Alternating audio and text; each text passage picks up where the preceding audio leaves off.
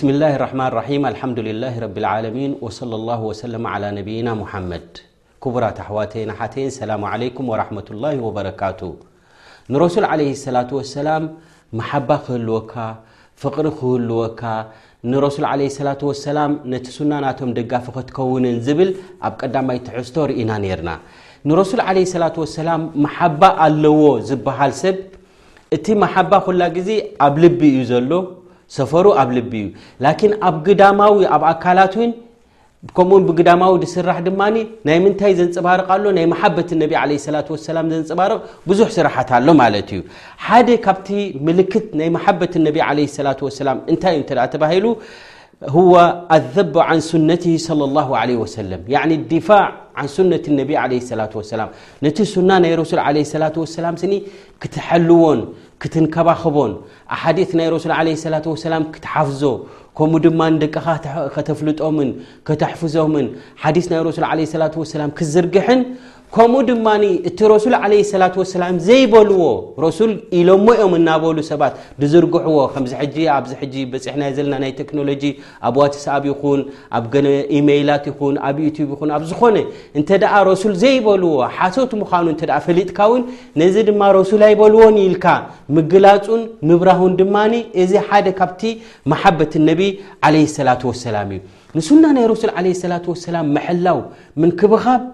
እዚ ዝገብር ሰብ ሓቲ ነቢ ዓለይሂ ሰላቱ ወሰላም ዱዓ ገይሮምሉ ስለዚ ኣንታ ሓዲት ናይ ረሱል ክንካእ እንተ ርእኻ ትቁጣዕ እንተ ኮንካ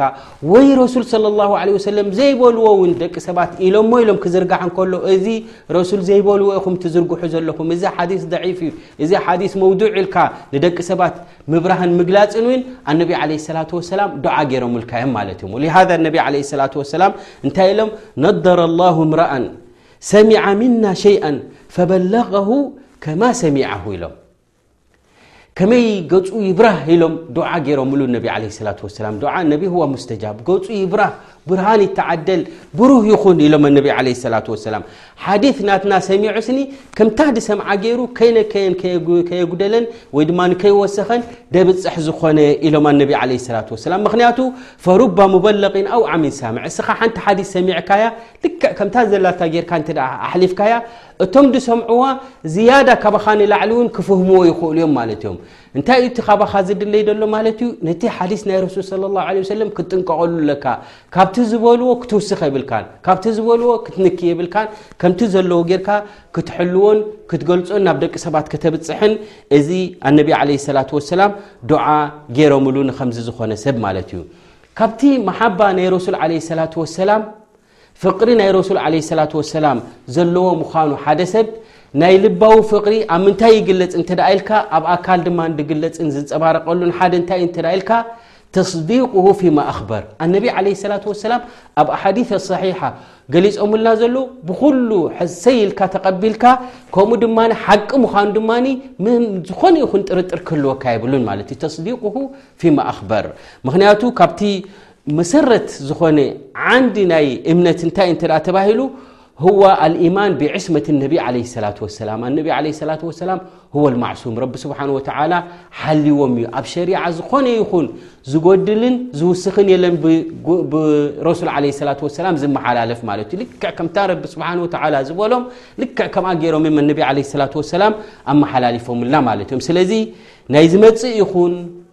ናይ ዝሓለፈ ይኹን ኣነቢ ለ ሰላት ወሰላም ኣብ በኒ እስራኤል ዝነበረ ናይ ኣቦና ኣደም ናይ ኖሕ ዝነገሩናን ከምኡ ድማ ናይ ድመፅ ግዜ ዝነገሩናን እዚ ምንም ጥርጥር ክህልወካ የብሉን ክትኣምን ኣለካ ማለት እዩ ወሃ ኣላ ስብሓን ወተላ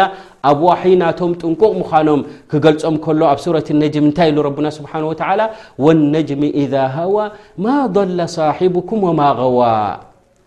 ወማ የንጢቁ ዓን ልሃዋ እን ሁዋ ኢላ ዋሕዩን ዮሓ እነቢ ዓለ ሰላት ወሰላም ከመሓላልፉ እንከለዉ ክዛረቡ እንከለዉ ክሰርሑ እንከለዉ እታ ረቢ ስብሓንሁ ወተዓላ ዝበሎም ንዓኣ ከይነከዩን ከየጉደሉን ከይወሰኹን እዮም ዘመሓላለፍዎ እነቢ ዓለ ስላት ወሰላም ኣላሁ ዘ ወጀል ሸሂዳ ለሁ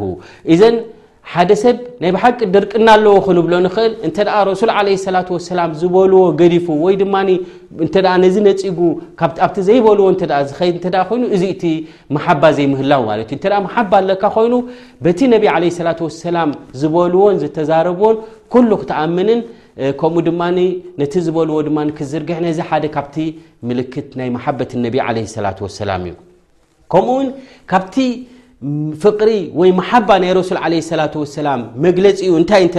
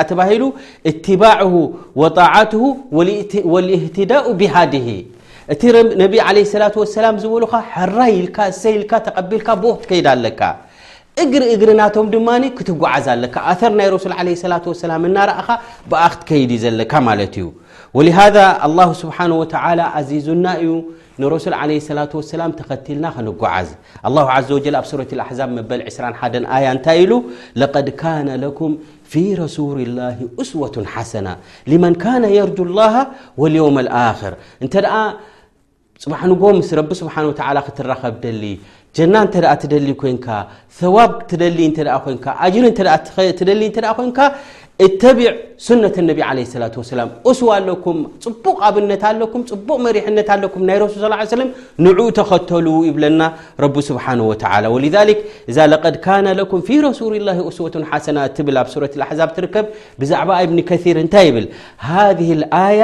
ኣስሉ ከቢሩ ፊ ተኣሲ ብረሱል ላ صለ ላ ለ ወሰለም ፊ ኣقዋል ኣፍዓል ኣሕዋል እዛ ኣያ እዚኣ ሓንቲ ዓባይ መሰረት እያ ናይ ረሱል ለ ላ ሰላም መንገዲ ጌርካ ክትጓዓዝ ኣብቲ ተግባራቶም ይኹን ናይ ነቢ ለ ላ ሰላም ኣብቲ ንሶም ሪኦሞ ዘጽደቕዎ ይኹን ከምኡ ድማ ኣብቲ ቃላት ናይ ነቢ ዓለ ሰላት ወሰላም ብቓሎም ዝገለጹልና ንዕኡ ተኸቲልካ ንኽትከይድ እዚኣ መሰረታዊ ዝኾነት ትእዛዝ ናይ ረቢ ስብሓንሁ ወተዓላ ማለት እዩ ወሊሃዛ ነቢ ዓለ ሰላት ወሰላም ዋጅብ ገይሩልና ግዴታ ገይሩልና ንረሱል ዓለ ሰላት ወሰላም ተኸቲልና ንኽንከይድ ማለት እዩ ወሊሃዛ ኣላሁ ዘ ወጀል ኣብ ሱረት ልሓሽር መበል ሸውዓተ ኣያ እንታይ ኢሉ ወማ ኣታኩም ረሱሉ ፈኹዙ ወማ ነሃኩም ዓንሁ ፈንተሁ እቲ ረሱል ዓለይ ሰላት ወሰላም ሒዞሞ ድመፁ ትደኣዘዝኹም ብኣ ኺዱ ኢኹም ንኣ ሕዙ ኢኹም ብኣ ተጓዓዙ ኢኹም ወማ ነሃኩም ዓንሁ ፈንተሁ ካብቲ ዝኸልከልኹም ድማ ረሱል ዓለ ሰላት ወሰላም ትኸልከሉ ኢኹም ኣነቢ ዓለ ሰላት ወሰላም ኩሉ ኼር ዘብኡ ሓቢሮምና እዮም ኩሉ ሸር ድማ ከልኪሎምና እዮም እንተ ደኣ ከምዚ ኾይኑ ድማ እቲ ረሱል ደምፅዎ ንዕኡ ሒዝካ ክትጓዓዝ ኣለካ ብኡ ክትከይድ እዩ ዘለካ ካብቲ ዝኸልከልዎ ድማ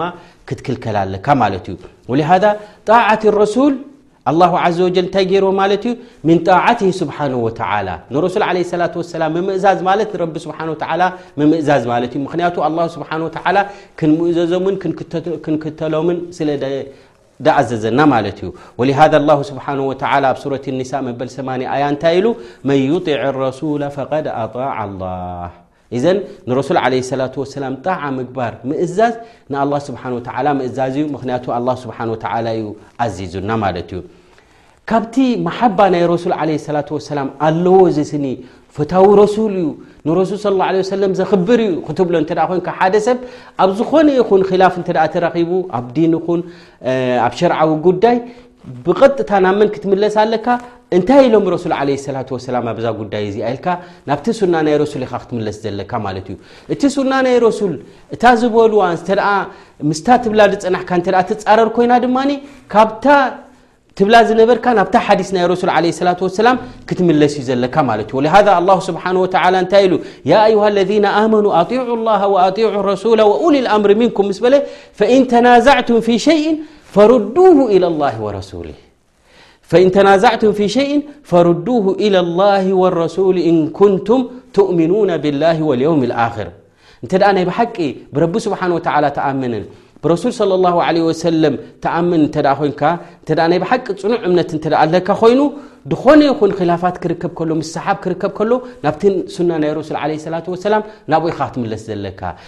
ስለዚ እምበኣር እቲ መሓበት ነቢ ስ ላ ሰለም ዝበሃል ፍቕሪ ናይ ረሱል ኣለዎ ትብሎ ሓደ ሰብ መዓስ እዩ እንተ ተባሂሉ እቲ ናቶም ዕለትን ዝተወለዱሉን ኢልካ እሞ ከዓ ርጉፅ ዘይኮነ መዓልቲ ኩላ ግዜ እዚ ኣብ 2ሓ ወይ ድማ ኣብ 12 ረቢዓልኣወል ተባሂሉ መውሊደ ነቢ ዝግበር ዘሎ ናብኡ ጥራሕ እንተ ኣድሂቡ ደቂ ሰባት እዚ እውን እቶም ፀላእቲ ዝኾኑ ኣዕዳእ ናይ ረሱል ለ ሰላት ወሰላም ምእንቲ ሰባት ብሓፍላ ገይሮም ከምኡ ድማ በዓላት ገይሮም ብኡ ጥራሕ ገይሮም ትዲን ክጓዓዙን ነቲ ሱና ናይ ረሱል ለ ሰላት ወሰላም ንክገድፉን ኢሎም ዝፈጠርዎ ድኣ እምበር ረሱል ለ ሰላት ወሰላም ድኣዘዝዎ ኣይኮነን ነቢ ዓለይ ሰላት ወሰላም ድኣዘዝዎ እንታይ እዩ በታ ሱና ናተይ በታ መንገዲ ናተይ ኪዱ እዮም ዝበሉ ማለት እዮም እምበኣሪ ናይ ብሓቂ ማሓባ ኣለዎ ዝበሃል ሰብ ንረሱል ስ ሰለም ፈታዊኦም እዩ ዝበሃል እንተ ኮይኑ ካብቲ ናይ ረሱል ስለ ላ ለ ወሰለም መንገዲ ክወፅእ የብሉን ወሊሃذ ኣላሁ ስብሓን ወተላ ኣዚዙና ብ ዝኾነ ይኹን ጉዳያት ክርከብ ከሎ ኪላፍ ክርከብ ከሎ ምስ ሰሓብ ክርከብ ከሎ ኣብታ ሱና ናይ ረሱል ዓለ ሰላት ወሰላም ናብኣ ኢና ክንምለስ ዘለና እሞ ረቢ ስብሓን ወተዓላ ንዓይን ንዓኻትኩምን መሓባ ናይ ረሱል ዓለ ሰላት ወሰላም ይሃበና ከምኡ ድማ እቲ ጠቓሚ ዝኾነ ዕልምን በቲ ዝተዓለምናዮ ድማ ኣብ ተግባር ነውዕል ይግበረና ወኣስኣሉ ላ ዘ ወጀል ብመኒሂ ወከረምሂ ኣን ይወፍቀና ልማ ይሕብሁ ወርዳ ወሰለ ላሁ ወሰለማ ዓላ ነብይና ሙሓመድ